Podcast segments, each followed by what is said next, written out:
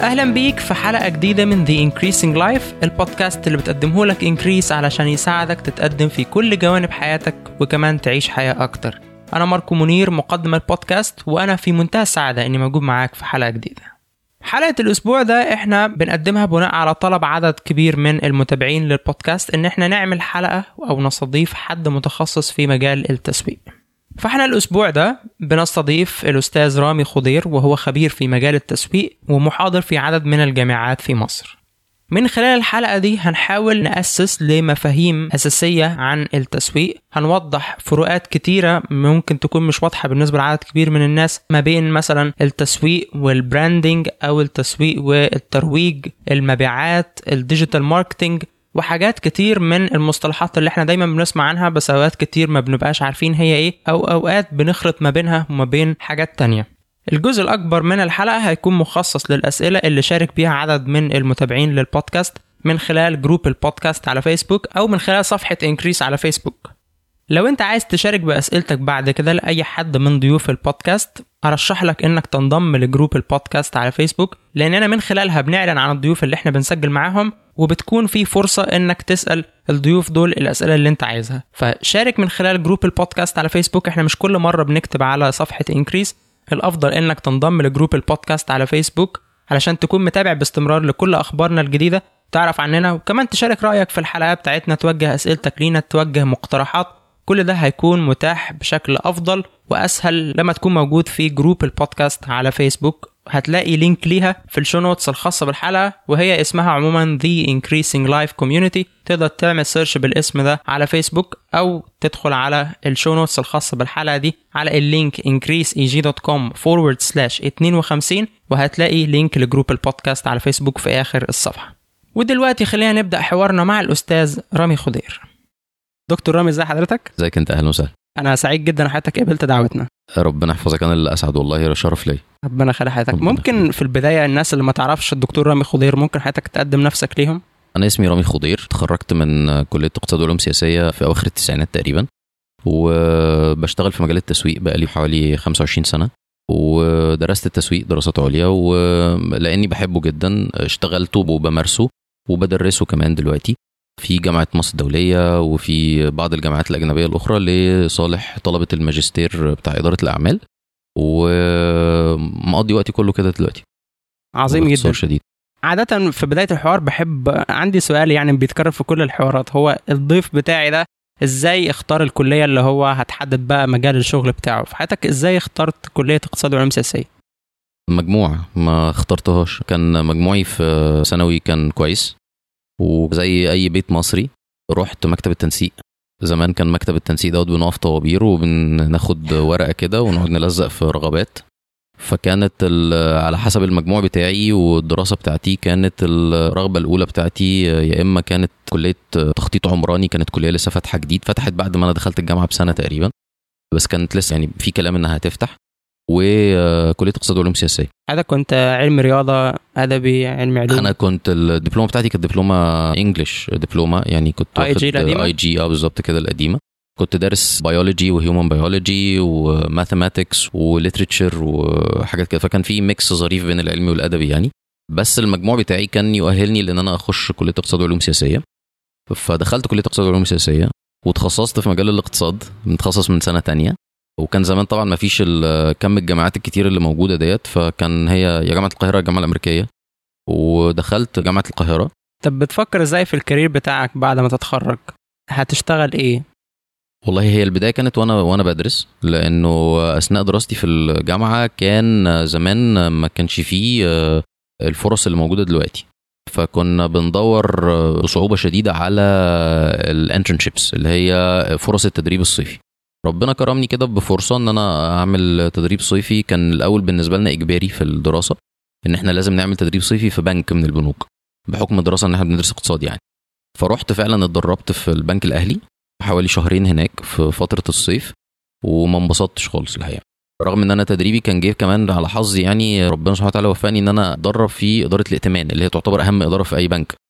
واتدربت فعلا في إدارة الائتمان لكن المناخ العام وطريقة الشغل وهكذا ما كنتش بقضي أسعد أيام حياتي. فما يعني استفدت منها جدا لكن ما كانتش المجال اللي أنا أحب إن أنا أشتغل فيه بعد كده يعني. بعد السنة دي عجبتني الفكرة بتاعت التدريب الصيفي فرحت آه، ابتديت أدور. فلقيت إن في جنب المكان اللي أنا ساكن فيه شركة زيروكس فكان في فعلا فرصة للتدريب الصيفي اكتشفتها ورحت قدمت. وخدوني أنا وكان معايا حوالي 75 واحد تانيين. كلنا دخلنا تدريب صيفي علشان عمل أبحاث تسويق ودي كانت البداية. كنت في سنة تانية صيف سنة تانية كنت رايح سنة ثالثه في في الجامعة يعني. عجبتني الحكاية بتاعت البحوث التسويقية ديت. كنا بننزل نقابل عملاء ونعمل معاهم أبحاث وهكذا. وبعدين لما بيحصل بقى أول achievement في حياتك يعني إنك أنت إيه تخلص تدريب صيفي فتلاقيهم بيقولوا لك إيه طب إحنا عايزينك الصيف الجاي. وبعدين تلاقيهم بيكلموك في الأجازة بتاعت نص السنة بيقول لك طب عندنا assignment بس المرة دي هتبقى مختلفة شوية. أنت هتروح لل high value customers بتوعنا. وتعمل معاهم customer satisfaction surveys فبتبتدي تنقل على حاجة تانية. فلقيت ال achievement دي بقى سحبتني خلاص بقى. يعني خلاص بقيت أنا هو هو ده المجال اللي أنا عايز أشتغل فيه. حسيت إنك بتنجز يعني بتتقدم آه في المجال حسيت إن أنا بقدر أحقق حاجة فقلت هو ده المجال اللي أنا عايز أشتغل طب ممكن عشان نبسطها للناس يعني إيه أبحاث تسويق؟ آه، أبحاث تسويق هي مجال بيخدم حاجتين أساسيين. هو الأولانية خالص هي دراسة السوق نفسه والتانية هي قياس أداء إدارات التسويق أو أداء الشركة من وجهة نظر السوق. فأبحاث التسويق بتنقسم إلى القسمين دول. الأولانية بنعمل حاجة بنسميها market research اللي هو بحث السوق نفسه. نشوف احتياجات الناس إيه اللي مش محققة حجم المنافسة عامل إزاي نعمل حاجة اسمها market sizing اللي هو نحدد حجم السوق قد إيه وهكذا. وكده إحنا بندرس سوق وبس. الطرف الآخر من عمل الباحث التسويقي يعني اللي بيشتغل في هذا المجال إن هو بيبتدي يأسس ويعمل عملية قياس لمدى كفاءة أداء الشركة اللي هو بيمثلها. فبنشوف مثلا المنتج بتاعنا مدى رضاء الناس عنه إيه. السياسات التسعيرية بتاعتنا ملائمه ولا لأ؟ الحملات الإعلانية اللي إحنا بنعملها ديت بتجيب مردود إيجابي ولا مردود غير إيجابي؟ وهكذا. فاتعلمتها الأول بحكم الشغل في زيروكس وبعد كده لما اتخرجت من الجامعة عملت بقى دراساتي العليا واهتميت بإن أنا أدرس الموضوع دوت بشكل سليم يعني. تمام. إحنا هنخصص الجزء الأول من الحلقة عن التسويق فإحنا هنبتدي نتكلم عن مبادئ أساسية مفاهيم أساسية عند الناس. برضو بعض المعتقدات الغلط اللي عند الناس عن التسويق وكده ونحاول نحط أساس بس للناس عن فكرة التسويق. مش مش هنخش في تفاصيل كتيرة زائد إن إحنا هنجاوب على أسئلة الناس اللي بعتوها لنا من خلال ال group ومن خلال ال page بإذن الله. في البداية يعني هو سؤال يبان بديهي جدا بس هو يعني إيه تسويق؟ يعني إيه تسويق؟ التسويق لما نيجي نعرفه لازم نبص عليه من اسمه okay؟ الأصل إيه؟ الأصل إن في حاجة اسمها سوق market صح؟ ال market دوت قايم على إنه في ناس عندها احتياجات ومعاها فلوس مستعدة إنها تستغنى عنها مقابل إن حضرتك تشبع لها هذا الاحتياج. فبقى في مكان بيتلاقى فيه البائع والمشتري عشان يحصل بينهم بعض نوع من أنواع التبادل. تمام؟ إحنا بقى في التسويق علم التسويق قايم على إنه الظاهرة دي بنحاول إن إحنا ندرسها كويس عشان نضمن إنها تتم بشكل كفء أو بشكل يؤدي منفعة للطرفين دول. اللي هو الراجل اللي عايز اللي عنده الاحتياج ومعاه الفلوس والراجل اللي عنده القيمة أو المنتج ومحتاج الفلوس اللي في جيبك ديت. التسويق بيبحث في الحتة ديت. وبنبتدي نوظف عدة أدوات منها بقى الترويج ومنها التوزيع ومنها التسعير ومنها even إن أنا أ design المنتج نفسه علشان أقدر أصل لأكبر قدر ممكن من الإشباع عند العميل صاحب الاحتياج دوت. تمام. دلوقتي ده التسويق ال marketing ده بشكل عام. آه. بس هو بيندرج تحتيه فروع كتير أو حاجات كتير. طبعا. من ضمنها حضرتك ذكرت الترويج وكمان من ضمنها الدعاية مثلا والإعلان. مظبوط. ال branding مظبوط. ال branding هو عبارة عن application strategic شوية وده بيبقى الغرض منه هو إنه أحاول إن أنا اضفي على المنتج بتاعي نوع من أنواع السمعة اللي ممكن إنها بعد كده تبقى guide للمستهلك وهو بيختار. فبنعمل ممارسات تسويقية عديدة وفروع كتير قوي من الممارسات التسويقية دي تؤدي في الآخر إلى إن حضرتك يبقى لك العلامة بتاعتك دي ليها سمعة معينة في السوق بتحاول إنها تدل المستهلكين أو المشترين للقيمة اللي هو هياخدها تختزل لهم الحكاية دي العملية دي بنسميها عملية branding فال branding ده process طويلة من الممارسات التسويقية لبناء السمعة علشان المستهلك بعد كده ي refer للسمعة دي وهو بيتعامل مع هذه الشركة. يعني أنا برسم صورة معينة في أذهان المستهلكين بحيث إن هو لما يفكر مثلا في بالظبط تقريبا. إزازة آه. حاجة ساعه مثلا يروح لشركة معينة. بالظبط كده تقريبا يعني نفس ال نفس هل ده ده بغرض برضه توفير مثلا مصاريف للدعاية والإعلان وحاجات زي كده؟ مظبوط علشان أبقى بوفر على نفسي فكرة الشرح. يعني لو أنا قلت لك إن إحنا بنعمل حاجة ملهاش اسم لكن هتبسطك وهتدي لك الإشباع اللي أنت عايزه هيبقى في مجهود كبير قوي في التواصل حوالين فكرة إيه هي الحاجة دي؟ طب أنا هاخد منها إيه؟ طب أعرف إزاي إنها كويسة؟ طب إيه الضمانات؟ إحنا بنختزل الكلام ده كله في إن إحنا بنحط علامة تجارية معينة. العلامة التجارية ديت ال branding هو إن أنا أحولها لمعنى مش إن أنا أرسمها. يعني فكرة الرسمة بتاعت اللوجو والكلام ده ده كله إيه؟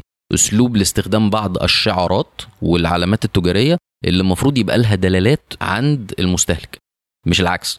يعني الموضوع مش قايم على artwork الموضوع قايم أكتر على بعد استراتيجي لأن أنا أستخدم ال artwork علشان يبقى فيه له دلالة أو معنى حقيقي عند المستهلك بتاعي.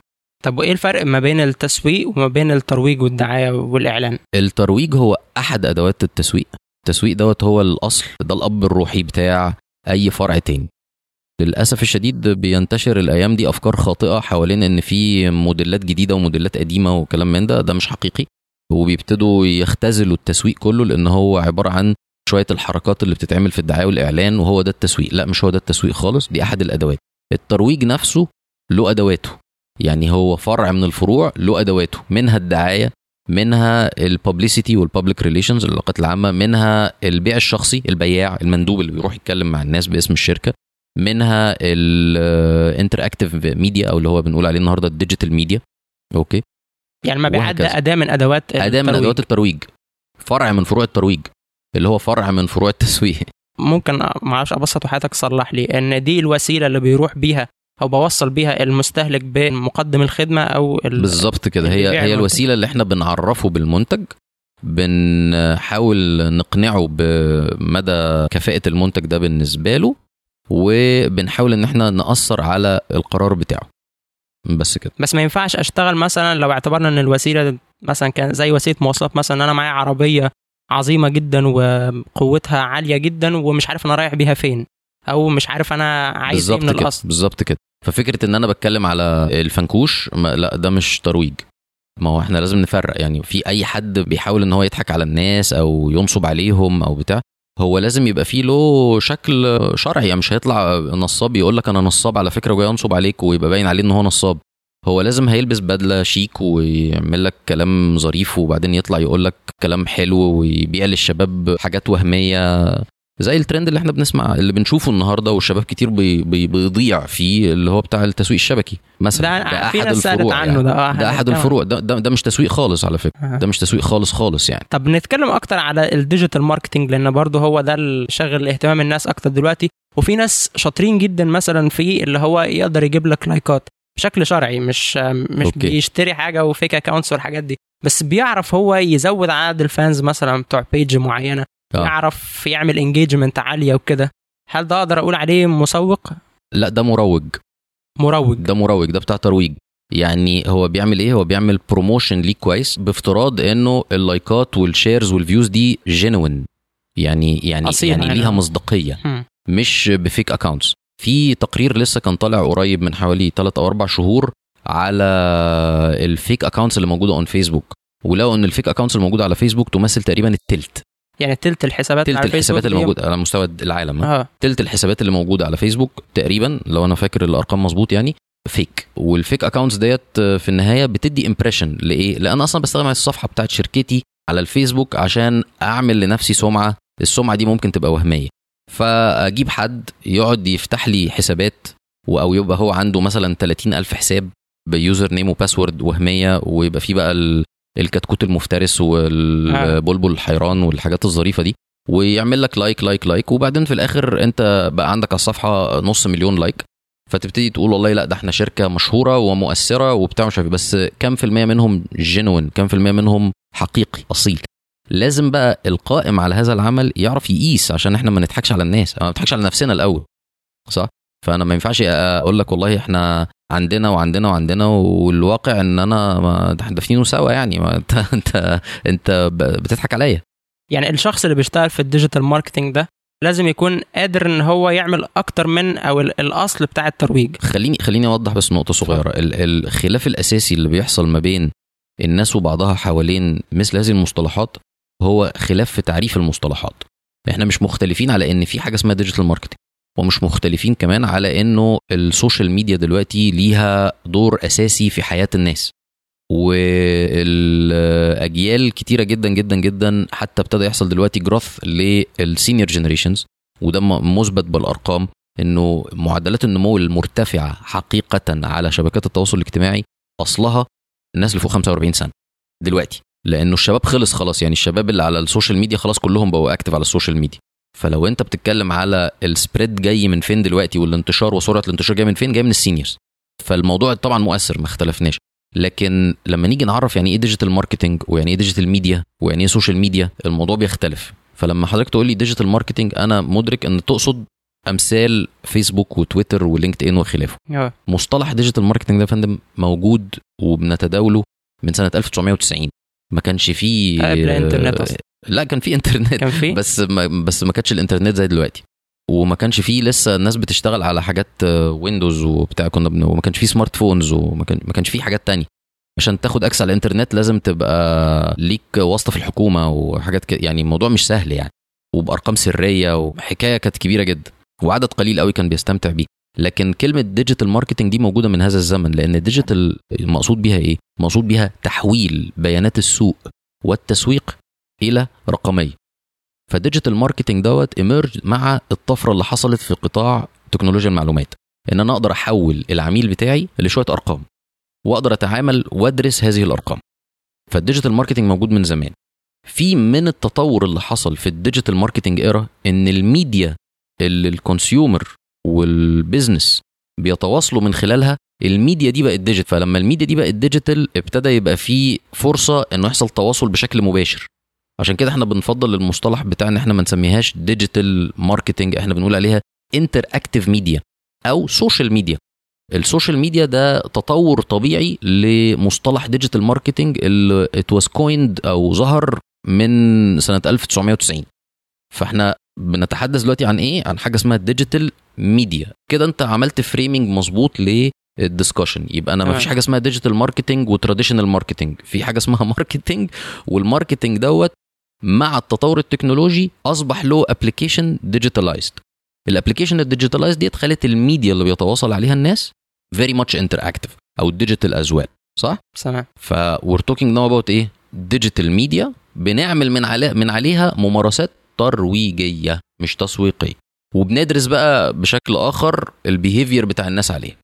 يعني أي حد عايز يشتغل في المجال ده بقى اللي هو يعني أنا عن نفسي كنت فاهمه غلط. ميديا اللي هو ال- ال digital marketing مش مقصود بيه التواصل عن طريق القنوات اللي هي ال digital دي اللي هي لا لا لا لا, لا أكبر من كده لا الموضوع آه. أكبر من كده شوية. تمام. فدلوقتي اللي عايز يشتغل في مجال ال digital marketing ده لازم يكون ليه دراسة في ال marketing أصلا. يفضل طبعا. والا هتبقى حضرتك عبارة عن إيه؟ زي بالظبط اللي بيعمل إعلان ملوش علاقة بواقع المنتج اللي هو بيقدمه. فلازم تبقى أنت فاهم أنت جاي من فين. عشان حتى لما تيجي تتعامل مع العميل بتاعك لما تساله الأسئلة الخاصة بازاي أقدر أنا أ design ليك الحملة أو ال campaign اللي هتفيدك؟ تبقى أنت عارف أنت بتسأل على إيه. الموضوع مش آه أنا هاخد منك كذا عشان أطلع لك كذا وهتدفع لي 2000 جنيه في. في كل آه، 2000 like و... لا مش هو ده خالص. ده again أنت كده بنهزر. أنا المفروض أعمل إيه الأول؟ أنت حضرتك بتبيع إيه بالظبط؟ المنتج بتاعك دوت بيخدم الناس إزاي؟ طب الناس بتدور على إيه؟ طب مين المنافسين بتوعك اللي في السوق؟ طب إيه اللي أنت عايز تقوله للعميل بتاعك؟ طب هو يعرف إيه عنك النهارده؟ إيه الاحتياجات اللي مش مشبعة اللي أنت ممكن إنك أنت تقدر تحققها والمنافس ما يقدر؟ فتبتدي تسأله عدة أسئلة. تقدر من خلالها تعرف إزاي أنا أقدر أتواصل معاك. يعني زمان لما كنا بنشتغل على ال broadcast media مش على ال digital media كان أول حاجة بنعملها علشان نطلع بإعلان في رمضان أو بتاع بنعمل حاجة اسمها creative briefing creative brief ده عبارة عن إيه؟ إن مدير التسويق بيسلم وكالة الدعاية brief لسته كده مكتوب فيها هو عايز منهم إيه. وكالة الدعاية تاخد الكلام دوت وتبتدي تذاكره كويس قوي. بيعملوا كده بيقول لك إحنا حصة هنقعد دلوقتي نذاكر العميل. علشان لما نيجي نتكلم نقول كلام ونقول حاجة تفيده ما تضروش. تمام؟ إنما لما تختزل الحكاية لكام like وكام view الموضوع بيبقى شكله يضحك يعني. يعني أنا أقدر أقول على الشخص لما أنا حد يجي يقول لي مثلا أنا ال fan page بتاعتك دي مش مش ماشية كويس أنا هزود لك عدد ال likes هوديها من من كذا لكذا. أو الموقع بتاعك ده مثلا ما حدش بيزوره فأنا هجيب لك ناس لأن أعتقد برضو ال search engine optimization وال marketing على جوجل والحاجات دي جزء برضو مظبوط. تمام؟ فأنا هجيب لك visits معينة للموقع بتاعك ده أقدر أقول عليه مروج ده مروج. بالظبط ده مروج مش مسوق لا. يعني هو بيعمل إيه؟ بيحاول إن هو يشهرك شوية provided إن هو فاهم ال business بتاعك. فبيعمل لك عمليات ترويج للي أنت بتعمله. المسوق بقى بيقول لك تعمل إيه؟ يعني ما تعملش الصفحة دي اعمل صفحة تانية. ما تبيعش ال content ده بيع content تاني. ما تقدمش الخدمة بالشكل ده قدمها بشكل صعر الخدمة بتاعتك بالطريقة ديت. وزعها من خلال القنوات الفلانية. انزل في ال event الفلاني وما تنزلش في ال event الفلاني. خلي بالك انت ال target audience بتوعك أو ال target market بتاعك بي shift بيتغير. الشباب اللي انت بدأت معاهم كبروا وبقوا دلوقتي اهتماماتهم مختلفة. فالمسوق بيحط لك الخطة على بعضها. المروج بيتواصل مع اللي انت حددته له. انت قلت له أنا عايز أوصل للناس دول وعايز أحقق معاهم الهدف ده. فيقول لك أحسن طريقة توصل للناس دول وتحقق الهدف ده إنك تقول لهم الكلام ده وشغلته بعد كده إن هو يساعدك إنك تقوله. تمام. طيب أنا عندي أسئلة تانية عن التسويق بس أنا حابب أبدأ بأسئلة الناس لأن هي شاملة حاجات متنوعة وممكن برضو أنا لو عندي سؤال تاني أمرك. ممكن أقوله في الوسط. بس قبل ما أسأل الأسئلة دي في أي معتقدات تانية غلط حضرتك بتسمعها كتير عن ال marketing مش حقيقية الناس فاهمها غلط؟ ممكن تصححها لنا برضو في في الحوار ده؟ في في مفهوم مؤذي ليا نفسيا جدا بتضايق منه جدا جدا اللي هو بتاع إنه إحنا we can create needs نخلق احتياج إحنا عند نخلق. احتياج عند الناس. كلام غلط خالص برضه مش حقيقي لأنه لأنه ال- الناس العلماء اللي اتكلموا في موضوع ال human needs ديت ناس درست psychology و sociology وعلوم اجتماع ونفس وبتاع. وظهر الاهتمام بالعلم دوت من بعد الحرب العالمية الثانية في الأربعينات. ومحدش فيهم خالص اتكلم عن موضوع creation of needs دوت. دي افتكاسة من مصريين بيحطوا ال touch بتاعهم في الشغل علشان يضغط على البياع فما يبقاش له حجة. فلما يجي الراجل يقول له ال product بتاعك does not match ال needs بتاعت الناس في ال market يقول له شغلتك create له need ويشخط فيه ويبرق له وبتاع. الكلام دوت للأسف مش صحيح خالص خالص خالص. إحنا our business is to discover the needs of people نكتشف احتياجات الناس ونعمل لها بعد كده محاولات لإشباعها. ده زي الفكرة برضو بتاعت البياع الشاطر بيبيع أي حاجة. ما لا ما يقدرش البياع الشاطر يبيع أي حاجة لأن لو البياع شاطر واديت له منتج رديء بسعر غالي مش هيعرف يبيعه. الكونسيومر بيكون آه، نوع من أنواع الإميونيتي أو المناعة بالتدريج بالتعلم ضد الممارسات اللي أنت بتمارسها بدل أنت ما عندكش السمعة الطيبة اللي هو أو ما أنتش محل ثقة بالنسبة له فبالتالي بيكون هو المناعة النفسية اللي تخليك بعد كده تصرف دعاية وإعلان زي ما أنت عايز. وبعدين ما يحصلش حاجة. كلنا عجبنا قوي الأغنية بتاعت أصالة بتاعت رمضان اللي فات اللي نزلت في الإعلان بتاعت صلاة. بس ما أظنش إن في حد غير النظام بتاعه أو حول من شبكة لشبكة. كلنا عجبنا قوي الإعلان الظريف اللي دمه خفيف بتاع فودافون لما طلعت شيرين وتامر حسني غنوا لنا في رمضان. وكنا entertained وقلنا الله ظريف قوي الإعلان وكل حاجة. بس ما ده ما أثرش على سلوكيات الناس في حاجة. لا استخدمنا دقائق زيادة ولا activate نا كارت العيلة ولا عملنا يعني ما حصلش حاجة. فبالتالي هو فيه جزء كبير منها بيكون إن أنت بتحاول بس تبني rapport مع الناس. ماشي مش معترض كلام ظريف جدا. بس ما بيبقاش الهدف منها إن أنت تغير أفكار الناس أو تغير سلوكياتهم لأنه مش بي ما, بي ما بيحصلش. وإلا لو حكمنا. عليها بالشكل دوت لا ما فيهوش حاجة غلط. بس لو حكمنا عليها بالشكل دوت يبقى أنت فشلت. فمن الأول تبقى أنت حاطط هدف واضح إن أنا بعمل إيه؟ شهر رمضان كل سنة وأنتم طيبين إحنا متواجدين معاكم بنقدم لكم خدماتنا وبننترتين معاكم في شهر رمضان وبنبني ال- ال- الرابور الكويس. هو يبقى غلط بقى لما تصرف عليه 40 50 مليون جنيه يعني. يعني هو ده الغلط إن أنت مش محتاج الميزانية ديت عشان تقول لنا تقول لنا كل سنة وأنتم طيبين. طيب السؤال بنفس الصياغة اللي الناس كتبوه بيه ومن غير ترتيب معين يعني للأسئلة. تمام. السؤال الأول من آية عبد العظيم. آية بتقول لو حد عايز يغير ال career لل marketing يعني حد بيشتغل في career تاني وعايز يغير لل marketing إيه اللي ممكن يعمله علشان يكون ملم جدا بالمجال في أقصر فترة ممكنة؟ آه، يدرس ويدرس صح من مصادر منضبطة. بلاش الدراسة من على ال... إحنا blog آه بس بلاش الدراسة من على ال blogs يعني ما تسمعش كلامي. مم. أوكي؟ لا حضرتك لازم تخش تدور من مصادر موثوق منها وتقرأ حاجات آه، علمية سليمة وتتعلم صح مش من أي حد مدعي. وافترض إن أنا كمان مدعي على فكرة أنا ما عنديش مشكلة في دوت لأ أنا عايزك تطلع بنفسك وتديسكفر نفسك بنفسك. بعد كده لما تيجي تشتغل في المجال دوت لو أنت بتشتغل في أي مجال آخر لازم تشوف مدخل منطقي تبع المجال بتاعك لأن إدارة التسويق في أي شركة بتشتغل مع كل إدارات الشركة تقريبا. فلو أنا بشتغل مثلا مثلا في قطاع مالي finance مثلا وزهقت من ال finance عايز أخش marketing المدخل بتاعي لازم يكون حاجة مرتبطة بال finance زي budgeting مثلا. فأخش إدارة ال marketing من البوابة بتاعه ال budgeting خلاص؟ فأنت تصور معايا كده إنه إيه ال marketing ده عبارة عن إيه؟ غرفة مستديرة ليها عدة أبواب واللي براها مجموعة من الأوض التانية اللي كل أوضة فيهم ليها باب واحد بيفتح على ال marketing في الآخر.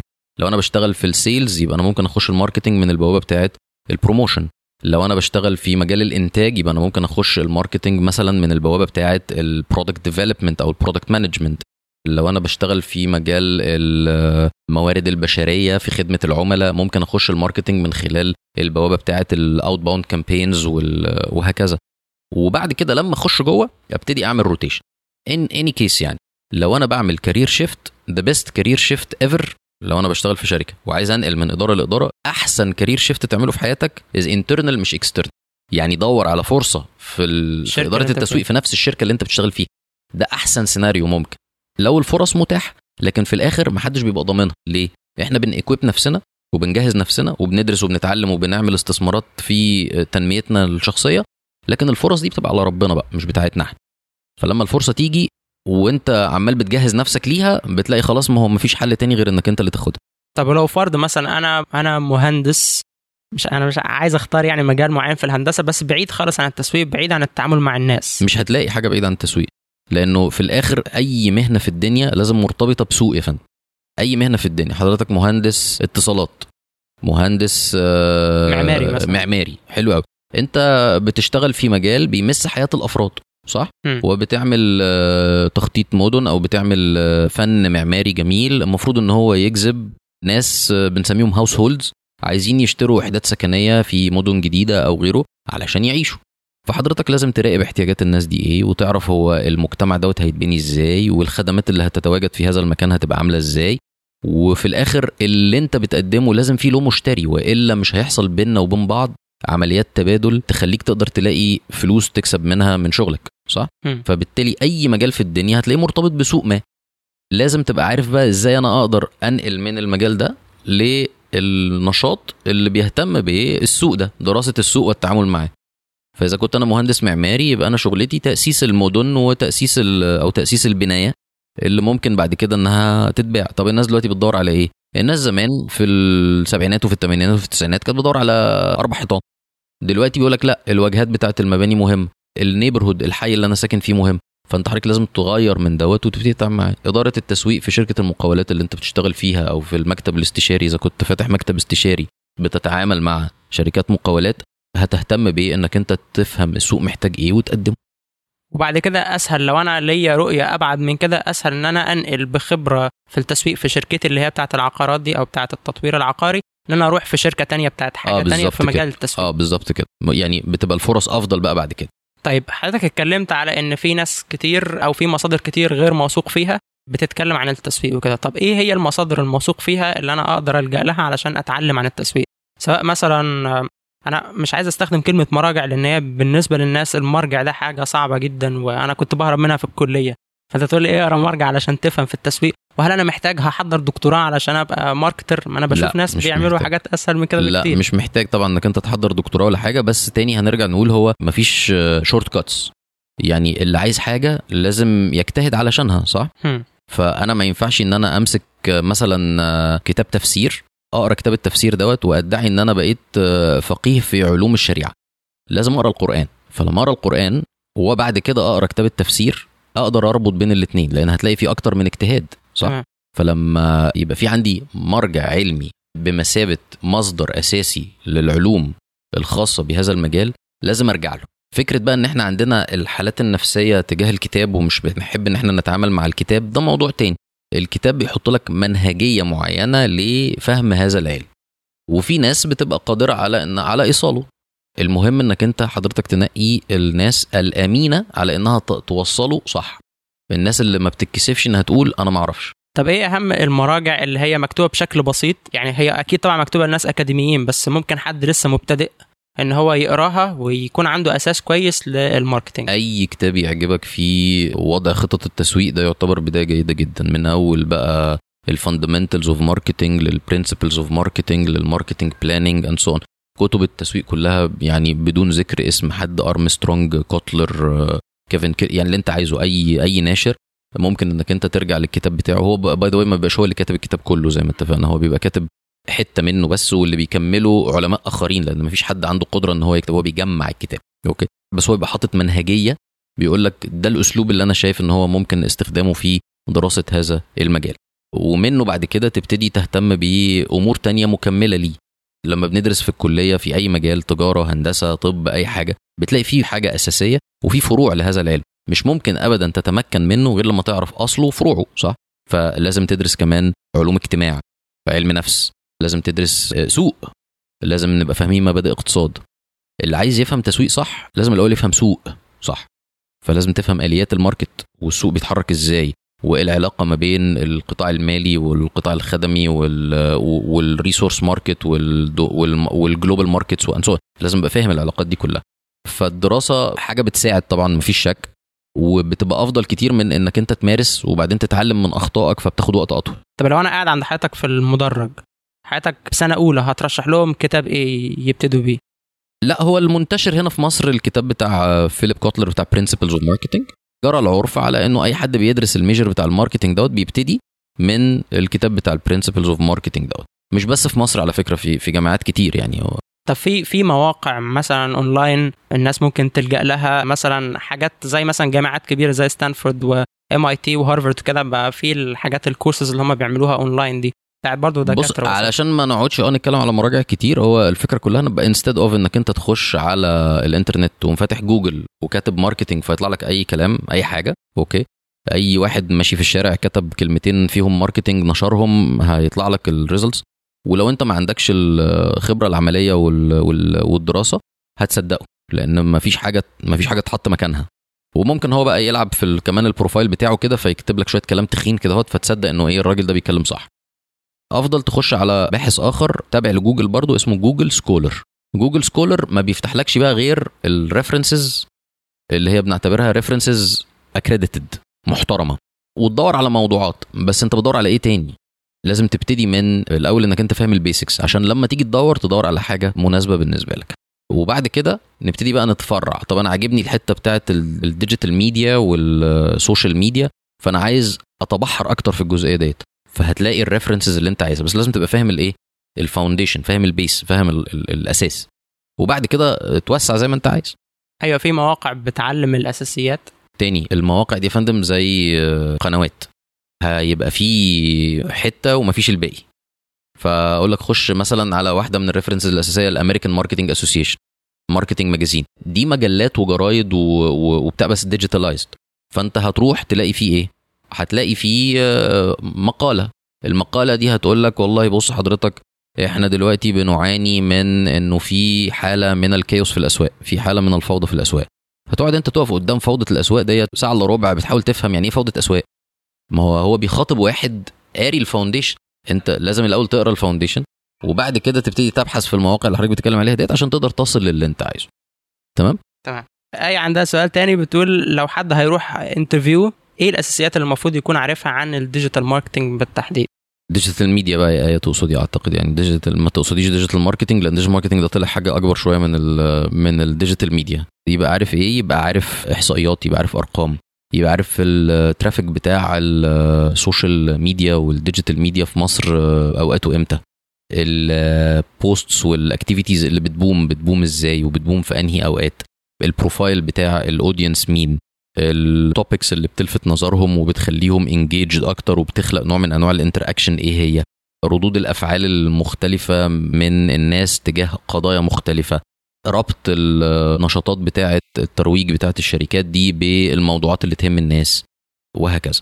الفرق بين حاجة بنسميها ال earned media وال paid media ال earned media اللي هي الميديا أو المكتسب. الاهتمام المكتسبة. الميديا المكتسبة دي اللي هي إيه؟ اللي هي اللي الناس بتقوله عليك من غير ما انت تدفع لهم فلوس. ال paid media اللي هو اللي أنا دفعته. لو في intersection بين الاثنين يبقى خير وبركة لو ما فيش تبقى فضيحة سودة لأنه بتكون النتيجة إن الناس بتبقى في وادي تقول عليك كلام وأنت فاكر إنك أنت عملت حاجة محترمة جدا يعني. طب في مصادر هي تلجأ لها؟ تلاقي عندها إحصائيات معينة عن الحاجات اللي حضرتك اتكلمت عنها؟ في ال analytics بقى بتاعت آه، جوجل وبتاعت فيسبوك وبتاعت آه، وفي تقارير بتطلع بشكل دوري عن الإحصائيات ديت. أنا مش مش متذكر بس أسمائها دلوقتي إنما موجودة online you can just search for حاجات خاصة بال Middle East traffic لل social media بيعملها منظمات مصرية ولا منظمات أجنبية؟ لا دولية بس بتقسمها ب regions. بتقسمها بشكل regions وفي مؤسسات مصرية بحثية مصرية بتقدم دوت زي شركات البحوث التسويقية وغيره. طيب أدهم بيسأل سؤال بيقول إمتى أقول على نفسي خبير في ال marketing أو إزاي ال marketer بيقيس معلوماته ويعرف هو محتاج يركز على إيه؟ never يا أدهم عمر ما حد بيقول على نفسه خبير في ال marketing ابدا. مفيش حد خبير في ال marketing لأنه ال marketing ده حاجة متغيرة ومتجددة بشكل كبير قوي. لو شلت آخر ثلاث حروف في المصطلح اللي أنت بتسأل عليه marketing لو شلت ال ing دي هتفهم أنا أقصد إيه. حتى التعريف نفسه بتاع علم التسويق اتغير في حوالي 30 أو 40 سنة اللي فاتوا دول حوالي ثلاث مرات. آه اتغير على مر التاريخ حوالي أربع مرات. فما فيش حاجة اسمها خبير في الماركتنج في حاجة اسمها واحد على دراية بأساليب تنفيذ الاستراتيجيات التسويقية ووضع الاستراتيجيات التسويقية والتفاعل مع التغيرات بتاعه السوق. دي مسألة بتاخد وقت وعادة بتكون مرتبطة بنجاحات معينة انت حققتها في حياتك. وجميل ان محدش ابدا يتعالى ويقول أنا خبير هو بيقول أنا على دراية بده ومهتم بالموضوع دوت وببحث فيه باستمرار. عظماء التسويق في العالم اللي بنقف قدامهم انتباه ونقعد نسمع لهم ونحضر لهم ونسافر لهم من بلاد لبلاد علشان نسمع الناس دي بتقول إيه يقول لك بيقولوا إنه يعني إحنا أكتر حاجة نخشاها إن اللي نقوله يطلع غلط. فهو حتى ما عندوش الصلف بتاع إنه يقول أنا خبير والناس كلها ال audience بتوعه كلها بتعتبره خبير. كونه بقى أعماله أو أفكاره أو نشاطاته بتواجه بعض المصداقية عند الناس وبتلاقي باع الكلام ده اليومين دول. لكن لما الظروف بتاعت السوق تتغير وال social media وال digital media اللي إحنا بنتكلم عليها النهارده دي تبقى حاجة قديمة وما يبقاش حد متابعها any more كمان مثلا 10 ولا 15 سنة. الممارسات ولو انت حافظها لو انت حافظ كتالوج كده tricks ال tricks دي خلاص هتبقى outdated فمش هيبقى لك قيمة. إنما لو انت عارف إن الأمور دي بتتغير وفي ing في الآخر فأنا لازم أفضل أنا كمان أتغير معاها. هتبقى قادر على إنك أنت تواكب التغيير دوت. فالأصل هو تاني السوق بيحصل فيه إيه؟ طيب في شهادات معتمدة في مجال ال marketing في شهادات في مجال ال marketing بس حكاية الاعتمادية ديت مرتبطة باحنا بنتكلم على إيه؟ يعني لو أنا بعمل مثلا ماجستير في التسويق دي شهادة معتمدة تاخد وقت طويل بتقعد تذاكر لمدة سنتين تعمل أبحاث كتير سنتين أو أكتر أنا بتكلم على الحد الأدنى يعني ممكن تقعد فيها خمس ست سنين يعني على حد لحد ما تخلصها دي طبعا ده درجة ماجستير شهادة معتمدة وفي دورات تدريبية. لكن ال marketing ملوش driver license يعني مش زي كده مثلا ال project management لازم يبقى معايا PMP علشان أبقى certified إن أمارس مهنه مش زي ال accountant لازم أبقى عامل CPA عشان أقدر امارس المهنه لا ال marketing ما فيهوش النوع دوت من الشهادات. في شهادات من جهات دولية بتتعامل مع السوق المصري النهارده ومتواجدة في مصر بتدي فاليو حقيقي. وفي هري كتير كتير لأنه أنا بلاقي في شباب مقبلة على حكاية التسويق دي قوي. فللأسف الشديد في ناس بتستغل حماسة الشباب دي في إنها تديها قشور أو تديها حاجة مش مظبوطة وتاخد فلوس. لكن في مؤسسات تانية محترمة جدا بتعمل شغل كويس زي المعهد الإقليمي لتكنولوجيا المعلومات مثلا زي بعض الجامعات الخاصة في مصر زي بعض الجامعات الأجنبية اللي فاتحة ليها فروع في مصر. ممكن نقول أسماء يعني ما عندناش مشكلة ممكن نقول أسماء. يعني علشان ما يبقاش فيه بس دعاية هو المعهد الإقليمي أنا قلت اسمه لأنه ده جهة حكومية مقره في الزمالك. وفي جامعة إسلاسكا جامعة فرنسية ليها فروع في مصر منتشرة. في مصر الجديدة وفي اسكندرية وفي الدقي وفي أسيوط يعني منتشرة في جميع أنحاء مصر. وبتستقبل الناس بتعمل برامج وبتعمل شهادة ماجستير. يعني بتقدم لك زي دبلومة مدة حوالي تسع شهور الدبلومة بتاعتهم. وفي عندهم كمان درجة ماجستير مهني في مجال التسويق. آه دي شهادات طبعا معتمدة من مجلس أعلى الجامعات وكلام يعني في في اعتمادية ليها يعني. لكن في بقى الورش الصغيرة اللي بتتعمل اللي هي غالبا بيكون المحتوى اللي فيها مش جيد أو مش هيساعدك إنك تشتغل مش هيساعدك إنك تمارس. هو بيدردش معاك دردشة ظريفة بتطلع مبسوط بتعمل networking حلو بتقابل شوية شباب ليهم نفس اهتماماتك. لكن ك content أو محتوى علمي حقيقي بيبقى اللي أنا شفته على الأقل بيكون ضعيف شوية. تمام. إزاي ال marketer يزود خبرته في مجالات ال CRM وال user experience ده أدهم برضو ولا؟ آه أدهم سال أربع. اسئله أدهم برضو أوكي. ممكن برضه نوضح للناس بس ال CRM هو إيه؟ ال CRM ال CRM دوت أحد الاستراتيجيات التطبيقية للتسويق اللي ظهرت مع بداية الألفية في أواخر التسعينات كده أوائل الألفينيات. ال CRM stands for customer relationship management وبعد كام سنة كده ابتدى الفكر ده يتطور بشكل ما فبقى اسمه experience customer experience management لكن ال foundation واحد. وهو الأصل فيه إيه؟ إن إحنا مش عايزين يبقى عندنا العلاقة بتاعتنا مع العملاء قايمة على التبادل فقط صفقات منفردة. أنا أخدت اللي عايزه منك يعني وخلاص. آه بالظبط كده. أنا عايز العلاقة دي تستمر. فابتدى يظهر بعض القياسات وبعض ال measurement. على فكرة by the way CRM و digital marketing ظهروا في وقت في وقت واحد تقريبا يعني. ال CRM ابتدى مع أواخر التسعينات كده. digital marketing المصطلح ده ظهر في أوائل التسعينيات. فالمصطلحين دول ظهروا تقريبا في نفس الوقت. لأنه CRM هو استراتيجية تطبيقية للتسويق قايمة على إن أنا مش بس أحصد عملاء لا كمان أحافظ عليهم. إزاي؟ وإزاي أقدر كمان أنمي حجم أعمالهم معايا. ف CRM هو تطبيق لاستراتيجيات التسويق قايم على إن أنا أجيب عميل أحافظ عليه وأنمي حجم عمله معايا. من خلال إدارة ال relationship دي. يبقى علاقة بيني وبين العميل بتاعي. وده موجود في التعريف بتاع التسويق اللي صدر سنة 2004 من قبل الجمعية الأمريكية للتسويق اللي هي ال American Marketing Association اسمها ال AMA والتعريف ذكر بالتحديد إنه marketing is an organizational function and a set of processes for creating, communicating and delivering value to customers and managing customer relationships. التعريف بس هقوله بالعربي علشان. يوضح هو بيقول إنه التسويق هو عبارة عن نشاط إداري قايم على فكرة استخدام بعض المنهجيات ال processes منهجية يعني في مفيش حاجة اسمها art والكلام الفاضي دوت. marketing is a practice is a science أي حد يقدر يدرسه ويفهمه إذا كان عنده الرغبة وال passion ما هياش فن خالص. ده التعريف بيقول كده. وال practice دوت بيهتم بايه أو ال process دي بتهتم بايه خلق قيمة والتواصل عن القيمة ديت مع السوق وإيصال هذه القيمة للعميل وإدارة علاقات مع العملاء. تمام؟ إزاي هو بقى يطور من نفسه في حتة ال CRM اعرف العميل. تعرف على العميل لأنه ال CRM أساسه إن أنا أعرف قد إيه عن ال customer بتاعي. وكتير بتلاقي إن في حاجات إحنا لما بنراقب كده شغلنا بنلاقي إن إحنا ما نعرفهاش. يعني على سبيل المثال أنا عايز أفتح مشروع جديد فقررت إن أنا هشتري أو هأجر محل في مول تجاري. تلاقي المول التجاري بيدينا بيانات عن عدد الزائرين. لا أنا مش عايز أعرف عدد الزائرين أنا عايز أعرف مين هم الزائرين. اديني تفاصيل أكتر عنهم. عائلات شباب مستوى دخل عامل إزاي بيهتموا بإيه بيقعدوا فين بيقعدوا كام ساعة؟ بيجوا إمتى؟ weekend ولا weekdays and so on أنا عايز أعرف كام في المية من الناس اللي بتيجي ديت بتشتري وكام في المية منهم بيجي ويخرج يقعد في التكييف شوية ويمشي. أنا عايز أعرف بيحصل إيه في المواسم وفي الأعياد.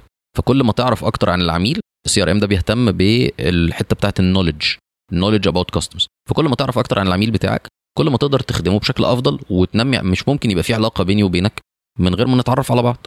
صح؟ تمام. فهي نفس الفكرة بالظبط. في علاقة بينك وبين واحد صديقك أو واحد جارك أو whatever لازم تبقى عارف كويس قوي هو الراجل دوت بيحب إيه ما بيحبش إيه. إذا كنت عايز أنمي هذه العلاقة لازم أبقى عارفه. فلازم تتعرف على العميل بتاعك صح علشان تقدر تدير العلاقة معاه بشكل جيد. أتمنى إن هو أدهم يكون بس يعني وصلته الرسالة.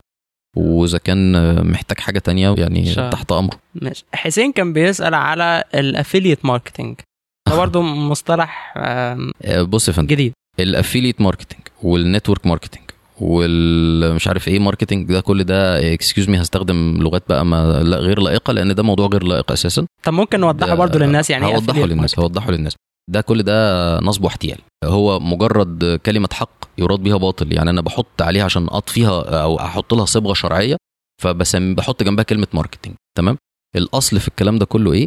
ده حاجة بنسميها مش marketing خالص. أصلها لما تيجي تشوف أنت بتعمل إيه بالظبط أنت بتعمل ممارسات ترويجية. ال core بتاعها إيه؟ ال core بتاعها ال recruitment والتعيين.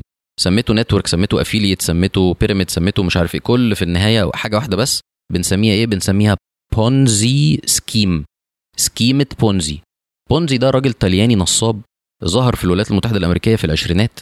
وعمل العملة ديت بس في كان في قطاع الاستثمار المباشر. وقدر يحقق ملايين من ورا الحكاية ديت وهي ended up في السجن دخل السجن في الآخر. وآخرة أي حد بيشتغل في هذا المجال عادة بتكون السجن. ليه؟ لأن هو الأصل فيها هو نصب واحتيال. أنت ما بتتقاضاش أجرك علشان عملية تبادلية مع العميل بتاعك قايمة على قيمة معينة أنت بتديها له. أنت بتاخد وبتتقاضى أجرك على إنك أنت أشركت ناس غيرك في هذه الشبكة المركبة. فبتكون النتيجة إنك أنت بتتقاضى أجرك علشان عملت recruitment مش علشان بعت منتج له قيمة حقيقية. ده اسمه بونزي scheme بس من أيام بونزي بقى لحد النهارده النصابين بتوع اليومين دول بيعملوا إيه؟ بيتطوروا. بيتطوروا. فعلشان أنا ما, ما, ما يتظبطش عليا بسرعة.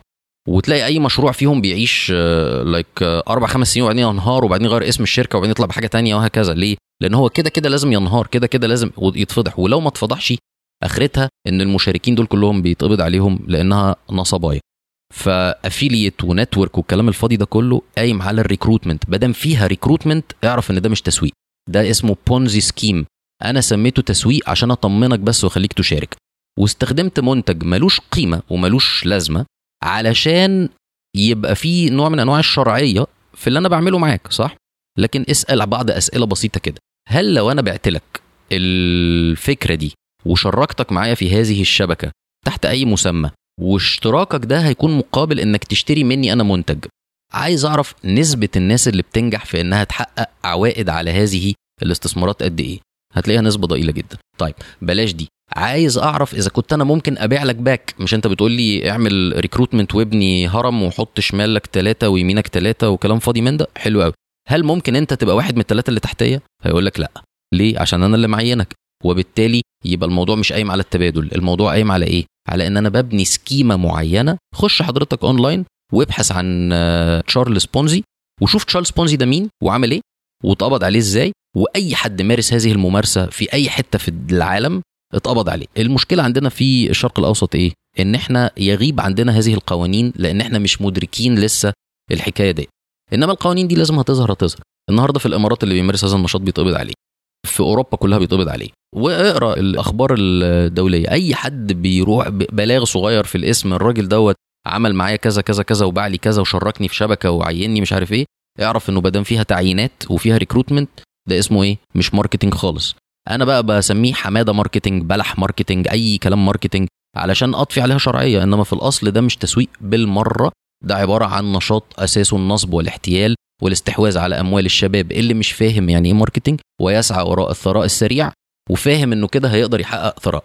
ممكن على فكرة ناس تعمل فلوس من وراه بس في تجارات غير شرعية بتعمل فلوس وفي نشاطات السرقة بتعمل فلوس والنصب بيعمل فلوس وتجارة المخدرات بتعمل فلوس فالفلوس مش مش هي دي الأساس.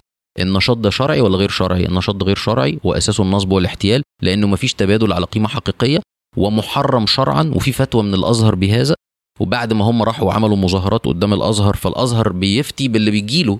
فناس تظلمت وقالت له لا ده إحنا بنبيع المنتج ده. قال له لا ما دام بتبيعه وهو مرتضي يبقى صح. لكن لما الأزهر درس هذا وجاب لجان من الناس العلماء فعلا في مجال التسويق والأكاديميين أجزم وسحب هذه الفتوى بأن الكلام ده حرام شرعا وغير مقبول ويعتبر تحت طائلة النصب والاحتيال. وغير كده القوانين اللي موجودة في كل الدول المتقدمة بتحرمه وبتسميه بونزي ما بتسموش marketing بونزي سكيمه بونزي مش marketing خالص ولا affiliate ولا network ولا غيره. بس هو في فرق بين ال affiliate وال networking لا ما فيش أي فرق خالص غير في حاجات بسيطة جدا إن أنت بتعمل بتبيع لمين وبتعمل الشبكة بتاعتك إزاي. في الآخر قايمة على recruitment في الحالتين. تمام بس هي فكرة مثلا إن أنا شخصيا بستخدم service معينة. مثلا إحنا بنستخدم مايكات أهو في التسجيل. آه. فمثلا أحمد جه قال لي ماركو أنا عايز أعمل بودكاست تمام؟ فقلت له ماشي بودكاست اشتري المايكات اللي أنا مشتريها دي.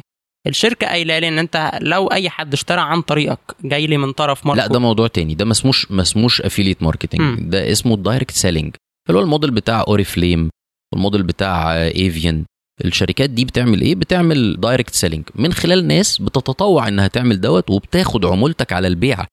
مش على انك انت جبت كام شخص معاك في الشبكة بتاعتي أو كام شخص معاك من ال network بتاعتي. فده اسمه إيه؟ ده اسمه direct selling أو اسمه referral بنسميه. من غير ما نقعد بقى نحط مسميات مبهمة ما حدش فاهم أصلا من فصلها. دخلت في حيز ال recruitment بقى اسمه بونزي scheme أنا بتعاقد معاك على منتج ومعليش أي التزامات وفكرة إن أنا أجيب لك زبون هتقاضى أجري على البيعة اللي الزبون ده عملها فقط والزبون ده معلوش أي obligation تجاه إن هو لازم يسترد أمواله ومفيش مبالغة في التسعير وغيره اتكلم على referral referral يعني إيه؟ يعني I refer you to someone else وده قناه من قنوات ده الترويج. قناه من قنوات الشرعية ما فيهاش مشكلة خالص. إنما فكرة إن أنا بقى يبقى عندي relationships كتيرة وأجيبكم أقعد أهيص في وشكم وأقول لكم طلع الوحش اللي جواك واعمل مش عارف إيه وهتنزل ت... فأنت بيتنصب عليك في 4 5000 جنيه علشان تعوض خسارتك لازم أنت كمان تنصب على واحد زيك في 4 5000 جنيه. فبتلاقي إنه نصاب بيربي نصاب بيربي نصاب وفي الآخر كله تغفيل ومفيش حاجة صح. أحمد سويدي بيسأل سؤال بيقول لو أنا هسوق حاجة في بلد غير مصر لازم يبقى معايا شريك من البلد دي ولا أعتمد على الإحصائيات ليكن مثلا تسويق قطع غيار السيارات؟ لا دي بحسب القوانين وال... وال... ومدى جاذبية الأسواق الأجنبية. ممكن سوق تلاقي دخوله من غير شريك محلي صعب وفي سوق تاني دخوله من غير شريك محلي فرصة. ال attitude بتاعت البلاد دي إيه ناحية ال foreign investors أو ال foreigners بشكل عام؟ في بلاد بترحب بده وفي بلاد بترفضه أو بتحط عليه قيود. آه، زي مثلا لو أنا لحد فترة قريبة يعني لو أنا كنت رايح أستثمر في السوق السعودي لازم يبقى معايا كفيل. في بعض البلاد نفس الكلام. هنا في مصر عشان ما فيش قوانين بتحكم بدوت لكن لكن عشان تمشي حالك وتعرف القنوات بتاعت التوزيع إيه وتعرف تصل إلى السوق بتاعك مظبوط أفضل إنك أنت يبقى معاك حد فاهم السوق المصري كويس. فلو معلومات السوق متاحة وانت قادر انك انت تتواصل معاه وتتجاوب معاه بشكل جيد اتكل على الله محتاج انك انت حد يبقى في ظهرك علشان يسندك ويمشي لك شغلك يبقى يفضل انك انت تخش مع شريك محلي. سؤال مختلف شوية عن السياق يعني اللي كنا ماشيين فيه. محمود بلال بيسأل بيقول إيه أكتر حملة تسويقيه يعني ممكن بقى حضرتك تعدل على المصطلح ده أكتر حملة تسويقية لمنتج أو خدمة في مصر شايفها ناجحة؟ ونفس السؤال بالنسبة لو على مستوى عالمي. لا نجاحات كتير الحقيقة مش مش, ما أقدرش آه ما أقدرش يعني يعني. ما أقدرش أذكر حاجة معينة يعني لكن في لكن في في تجارب كتيرة جدا. لو بنتكلم عن حملات تسويقية يبقى هناخد على ال cycle من أول منتج وتسعير وتوزيع وغيره وغيره وغيره وغيره. زي ما نتكلم مثلا say على الطريقة اللي دخلت بيها شركة الرشيدي الميزان من كام سنة في سوق المربى وهي ما عندهاش خبرة خالص في هذا السوق وقدرت تستحوذ على حصة سوقية محترمة جدا في وقت قصير جدا. دي كانت آه، خطة تسويقية متكاملة اتنفذت بشكل جيد جدا. بس مش بتكلم على الترويج فقط مش بتكلم على إعلانات كان في باله حملة هو دعايه باله حملة دعاية. فالترويج يبقى إحنا بنتكلم على حاجة تانية. إزاي ممكن نلاقي فيه منتج قدر يصل إلى الناس بشكل كفء أو بشكل جيد؟ كان في من كام سنة إعلان اللي نزل في رمضان أعتقد سنة 2015 بتاع شاي العروسة بتاع آه، الفنان عمرو عبد الجليل اسمه عمرو عبد الجليل آه. آه آه. اللي كان بيتكلم على ده سؤال ما يتسألش و... وكان بيحكي الحكاية بتاعت إزاي الشاي ده ثقافة مصرية. اتقدمت بشكل في منتهى الجمال وملائم جدا بالنسبة لل target audience بتوعه وبيراعي جدا الثقافة المصرية وما قالش حاجة تضايق حد وراعى إن هو بيطلع في التلفزيون في شهر رمضان فلو واحدة ست سمعته مش هتتضايق لو طفل سمعه مش هيتضايق لو راجل كبير سمعه مش هيتضايق. يعني الحملة اتعملت بشكل ممتاز جدا وراعت طبيعة الميديا اللي هي ظهرت عليه طب حملة أجنبية عجبت حضرتك قوي حملات أجنبية. يعني يعني في في الحاجة اللي بتهم الناس الأيام دي ال smart phones وغيره بتلاقي في شركات بتقدر إنها تحقق نجاحات هايلة من غير ما تصرف دعاية خالص. ده بيلفت نظري جدا. أو تصرف دعاية قليلة قوي مبلغ بسيط قوي زهيد يعني بالنسبة للي هم بس بيخلوا ال press media وال social media هي اللي تهتم بالحدث.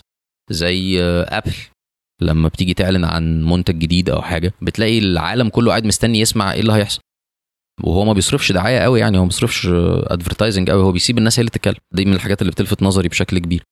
بعض الحملات الدعائية اللي قدمتها في الفترة الأخيرة دي شركة كوكا كولا كوكا كولا عملت بعض الحملات الدعائية بتحاول تربط المنتج بحياة الناس وتحاكي ال challenges بتاعة المجتمع. إزاي الناس بقت due to انتشار ال social media الناس بقت less sociable بقت آه، مهاراتها وقدراتها الاجتماعية أضعف مش أحسن. فازاي كوكا كولا بتقدر إنها تقدم حملة ترويجية أو حملة إعلانية تقول للناس؟ لأ make friends وقابل ناس واتكلم معاهم وسيب التليفون اللي في إيدك وهكذا. برضو دي من الحاجات اللي بتلفت نظري اللي هي بتبقى الحملات اللي مش معمولة أو مش قايمة على إن أنا مجرد عايز إبهار. ألفت الانتباه وخلاص. لأنه إحنا بنبص على ثلاث حاجات أساسية لما نيجي نتكلم على الدعاية أو الحملات بتاعة الدعاية بالتحديد سواء تلفزيون أو social media أو غيره. مش مهم فقط إن أنا ألفت انتباهك أو أشد انتباهك. دي واحدة من الحاجات اللي أنا بسعى إليها ولازم كمان أراعي أنت بتحس بإيه شعورك إيه ولازم أبص على أنت رد فعلك إيه تجاه هذه الحملة. إحنا للأسف الشديد كتير مننا أو كتير من الناس اللي بتطبق التسويق بتهتم فقط بلفت الانتباه وبتتغاضى تماما عن الاثنين التانيين. فبتكون نتيجة إن أنا بشد انتباهك جدا بإن أنا أقول مصطلح أو لفظ مش مفهوم أو حاجة إباحية أو whatever غنى رقص تنطيط أي حاجة فبلفت انتباهك لكن بتغاضى تماما عن شعورك انت عامل إزاي وبتغاضى تماما عن رد فعلك الحقيقي كسلوك ناحية ال communication اللي حصل ده هيبقى عامل إزاي. فبتكون النتيجة انك انت بتبقى متصور من الأرقام اللي انت شايفها إن الحملة دي بقت went viral والناس شافتها بس الناس زي ما بتشوف الإعلان بتاعك بتشوف فيديوهات عن الإرهاب وعن الحوادث الطرق وغيره ومش معنى كده إنها حباها. إحساسها مش جيد. يعني لما أنا أتفرج على فيديو بيتكلم عن حادثه طريق أو عن حدث إرهابي خطير حصل زي ال videos بتاعت الحادثة بتاعت ال shooting اللي حصلت في لاس فيجاس أول امبارح. الناس كتير قوي تابعت هذه الفيديوهات لكن مش معنى كده إنه ال content ده لأنه it went viral إنه له تأثير إيجابي على الناس. أنت حضرتك بتتكلم مع السوق بتاعك باسمك بال brand بتاعك فلازم يبقى ليك كمان تأثير إيجابي على الناس مش فقط لفت انتباهه بس. سؤال من عز الدين ناجي بيقول إزاي ممكن أعرف إحصائيات مهمة زي ال market share بتاع شركة معينة؟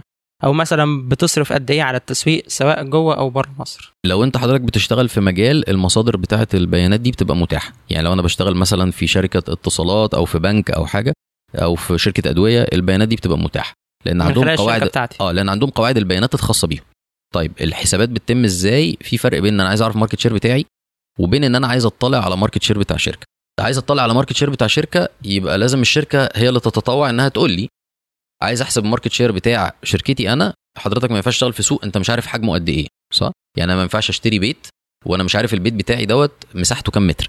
فخلاص أنا دخلت جوه ال- البيت ده اللي هو مثلا صناعة البرمجيات لازم تبقى عارف حجم السوق قد إيه وتقدر بمجرد انك تبص على رقم البيع بتاعك تعرف انت حصتك السوقية قد إيه هتقسم ده على ده. لكن إن أنا عايز أطلع على أداء الشركة نفسه من باب إن أنا التقييم الأداء وغيره يبقى لازم الشركة هي اللي تبقى متطوعة عايزة تعلن عن هذه الأرقام فتقدر إنك أنت تطلع عليها. وده بيحصل في الشركات عادة اللي بتبقى ليستد في البورصات لأن بتبقى مجبرة إنها تنشر هذه ال- البيانات علشان المستثمرين اللي بيشتروا الأسهم بتاعتها في البورصة. فده بالنسبة لل market share السؤال التاني بتاعه كان إيه؟ اللي هي بتصرف قد إيه على التسويق؟ آه دي بن- بنطلع برضو لو ما بنشتغل في هذا المجال أو في صناعة معينة بنهتم بإن إحنا نطلع تقارير من الوكالات أو ال institutes اللي بنشتغل معاها الوكالات البحثية أو الوكالات الدعاية والإعلان بنسميه media monitor report وفي شركة زي شركة اسمها TNS مثلا بتنشر بيانات ديت بس الأرقام دي بتبقى مدفوعة. فعشان كده بقول لك بتبقى متوفرة داخل إيه؟ الشركات. لو تعرف حد داخل شركة بتهتم بإنها تشتري هذه التقارير ممكن يطلع لك البيان اللي أنت عايزه.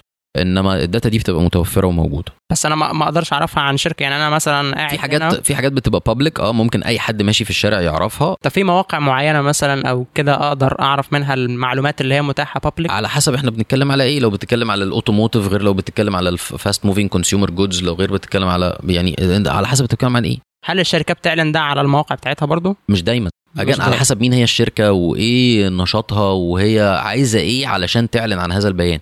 يعني شركة مثلا بتفكر إنها تطرح IPO اللي هو initial public offering هتنزل البورصة يعني. فلازم تغري المستثمرين إن هم يجوا فلازم تطلع لهم تقارير وبيانات فتنشر الكلام ده على مواقعها بقى. تقول والله إحنا مبيعاتنا زادت 40% السنة اللي فاتت ومتوقعين إن إحنا نزيد كمان 25% السنة دي. وعندنا حصة سوقية تقارب ال 30% وعندنا عملاء في مناطق مختلفة في العالم وهكذا. فالشركات اللي من النوع دوت هتلاقي بيانات. يعني لو دخلت أونلاين بصيت على مثلا المدونة بتاعت شركة النساجون الشرقيون حد زي بنك CIB الشركات اللي هي ليها أسهم في البورصات هتلاقي بياناتهم منشورة معلنة. الشركات اللي ملهاش مش مجبرة إنها تعلن هذه البيانات أو تفصح عنها غير لمراقب الحسابات وبتعتبر هذه البيانات بيانات سرية. تمام. أنا وقتي خلص بس أنا طمعان في ثلاث أسئلة. اسأل تحت أمرك. السؤال الأولاني أنا سمعت حضرتك قبل كده بتتكلم عن إن كان عندك مشاكل يعني وحضرتك أصغر من كده شوية في الوظيفة إن أنت بتشتغل كتير قوي. حضرتك قلت على نفسك كده أنا وركهوليك أو اللي هو آه مراتي بتقول لي آه. مرات- مراتي بتقول لي أو كانت بتقول لي أنا إن أنا وركهوليك إن أنا بشتغل كتير قوي بهتم بشغلي زيادة عن اللزوم وده بيجور طبعا على على على حق اولادي ومراتي وأهلي وأمي وأبويا يعني إزاي حضرتك بقيت بتدير الأنشطة بتاعتك بشكل أفضل؟ وإيه النظام اللي حضرتك بتعتمد عليه عموما علشان تنظم مواعيدك اليومية؟ والله أبقى يعني أبقى كذاب لو قلت لك إن أنا ليا أي فضل في الموضوع دوت. هو الفضل يعود لربنا سبحانه وتعالى ولزوجتي إن هي اللي بتدير لي الموضوع ده دلوقتي. هي فعلا لولاها كان كان الموضوع بقى مختلف تماما لأن أنا بتسحب في الشغل جامد بنسى نفسي جوه الشغل. ابتدت الحكاية بإن هي كانت بتعمل لي زي الارم كده يعني يعني لما تلاقيني زودتها قوي تقوم بعتلي رسالة على التليفون. أنت جاي الساعة كام؟ ابنك بيسأل عليك زياد بيسأل عليك فريده عايزاك مش يعني حاجات كده. فتبتدي أنت تتنبه إن في حاجات تانية مهمة في حياتك غير الشغل. فابتدت تعرف تساعدني بقى إن أنا إيه أهتم بإن أنا كفاية كده النهارده ممكن إن أنا أكمل الموضوع ده بكرة. محتاج إن أنا أزور والدي ووالدتي أطمن عليهم أشوف احتياجاتهم وهكذا. الناس اللي حواليك كلهم بيبقى لهم فضل عليك طبعا. طب في tools معينة حضرتك بتستخدمها في كده؟ يعني عندك to do list مثلا؟ والله أنا lately غيرت ساعة اليد اللي في إيدي وجبت ساعة G-Shock وحطيت معادين أساسيين بالنسبة لي. الساعة 4 الساعة دي ترند لأن أنا ببقى عارف إن أنا لازم أنتقل من مكان لمكان. بيبقى عندي مثلا محاضرة بالليل في الجامعة. والساعة 9 ونص بتفكرني إن أنا لازم أرجع البيت بسرعة علشان أعرف أقعد مع أولادي نص ساعة قبل ما يخشوا يناموا عشان مدرسة. فالساعة دي الحقيقة مساعداني بشكل كبير لأنها بتديني بس الألارم بتنبهني إنه يتحرك دلوقتي. ف... فدي طريقة. والطريقة التانية بقى لفت الانتباه اللي بيجي لك من الناس اللي حواليك. يعني تلاقي ابني بيطلبني بابا عايزك في موضوع مراتي بتكلمني أمي أبويا يعني بيبتدوا هم يساعدوك إنك تهتم بجوانب أخرى من حياتك غير مجرد الشغل يعني. طب إزاي بترتب شغلك نفسه؟ وبرضه أنا سمعت حياتك قبل كده بتتكلم إنك مش multitasker يعني مش تقدر تعمل أكتر من حاجة في نفس الوقت. لازم تركز آه، أنا على ما بعتبرش نفسي multitasker يعني ما بعرفش أشتغل في أكتر من حاجة في وقت واحد بتاخد من تركيزي وبالتالي بيبقى ال output اللي طالع في كله مش كويس. طب إزاي بترتب أولوياتك في اليوم؟ بتشوف ال tasks اللي عليك وتبتدي ترتبها أولويات. الأولويات دي بتبقى مرتبطة بحاجتين الأهمية وال وال وال urgency يعني إيه الأهم؟ قد إيه؟ الأهم؟ وإيه م- ومدى إلحاح ال- ال task المطلوب؟ آه، وبناء عليه تبتدي ترتب الأولويات ديت ولازم بين كل واحدة وواحدة تفصل لك 10 دقائق كده تقوم تشرب فنجان قهوة تشرب كوباية شاي بتاع يعني تغير مخك خالص لمدة 10 دقائق بس ما بنسوقش فيها يعني, يعني ما نقعدش break ساعتين ثلاثة يعني 10 دقائق ربع ساعة تفصل كده عشان تعرف تهتم أو تركز في ال task اللي بعدها. بس الحاجات دي كل واحد بتفرق من شخص لشخص أعتقد يعني. طيب في كتب معينة فرقت في حياة حضرتك بغض النظر عن مجال التسويق؟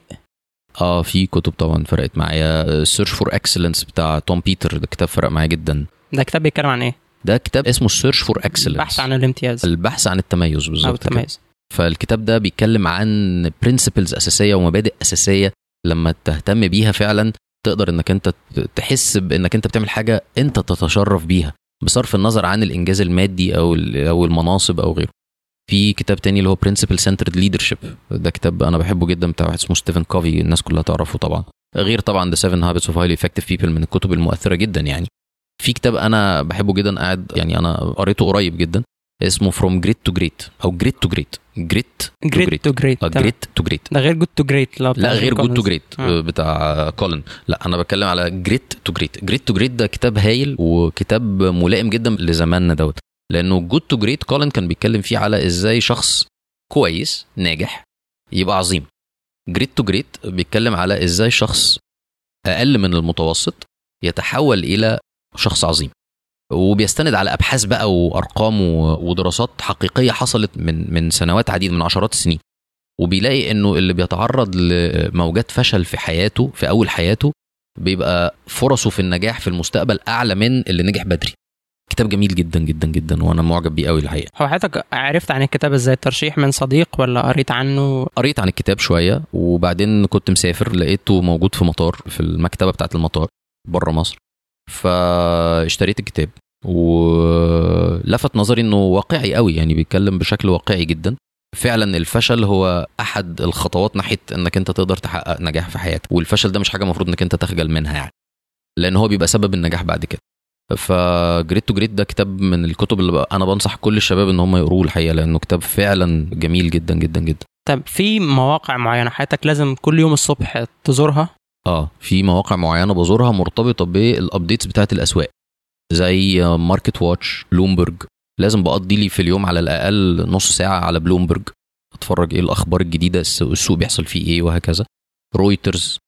بحاول أتابع المواقع اللي بتدي بيانات مش بتعرض لي وجهات نظر لأنه معظم وجهات النظر بتبقى فيها ليها صياغات إعلامية كده معينة أنا ما بفضلهاش لأنها بتؤثر على رؤيتك للقضية بشكل ما ببيع لك الفكرة اللي أنا عايزك تؤمن بيها لكن لما تجيب بيان وأنت تتصوره انت بطريقتك بتبقى عندك قدرة أكتر على قراءة الأسواق فلازم بقضي لي كل يوم نص ساعة ساعة لو الوقت سامح يعني إن أنا أتابع what is going on إيه اللي بيحصل فببص على بلومبرج ببص على CNBC التقارير الاقتصادية بالتحديد بتاعتها يعني في برنامج بيجي عليها اسمه آه، عين على مصر وعين على السعودية وعين على الإمارات وعين على مش عارف إيه يعني كل الأسواق تقريبا بيبصوا عليها.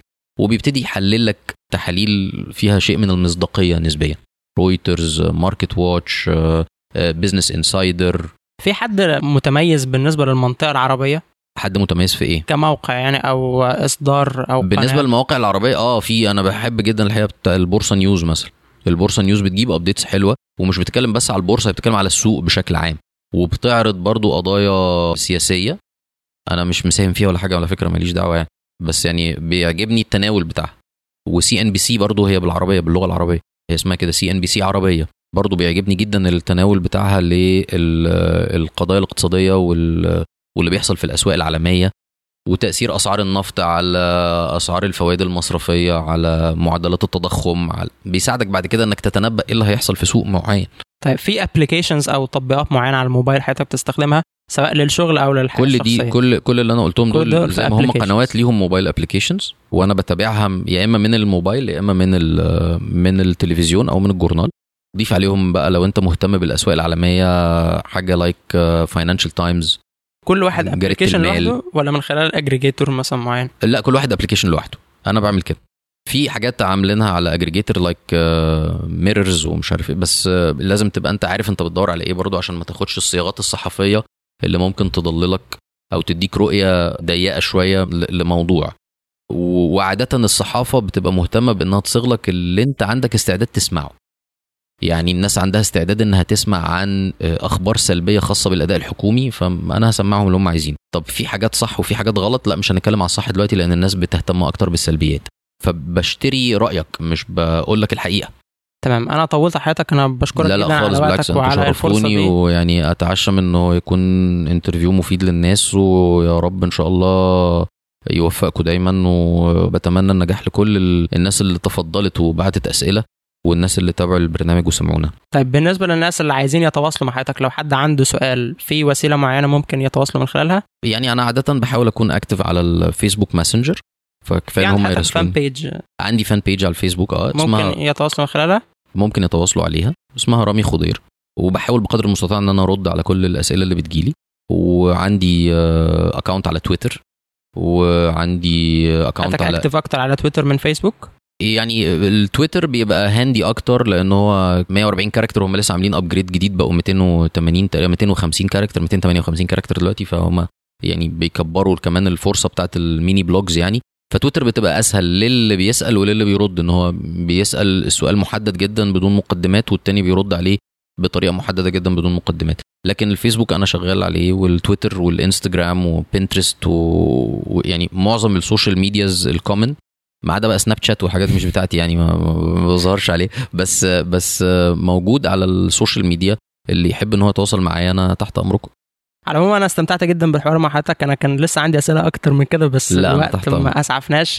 أتمنى تكون عندي فرصة تانية أقابل حضرتك ونسجل فيها حوار تاني برضو للناس. يشرفني يا فندم ولو يشرفني. الناس عايزين يتعمقوا أكتر من كده برضو ممكن نستفيد من خبرة حضرتك. عموما يعني أنا عندي أسئلة أنا بشكل شخصي بغض النظر عن التسويق بس إن شاء الله تكون لا في تحت فرصة. أمرك تحت أمرك تحت أمرك في أي وقت. متشكر جدا لحضرتك يا دكتور. ربنا يحفظك التوفيق إن شاء الله. شكرا جزيلا.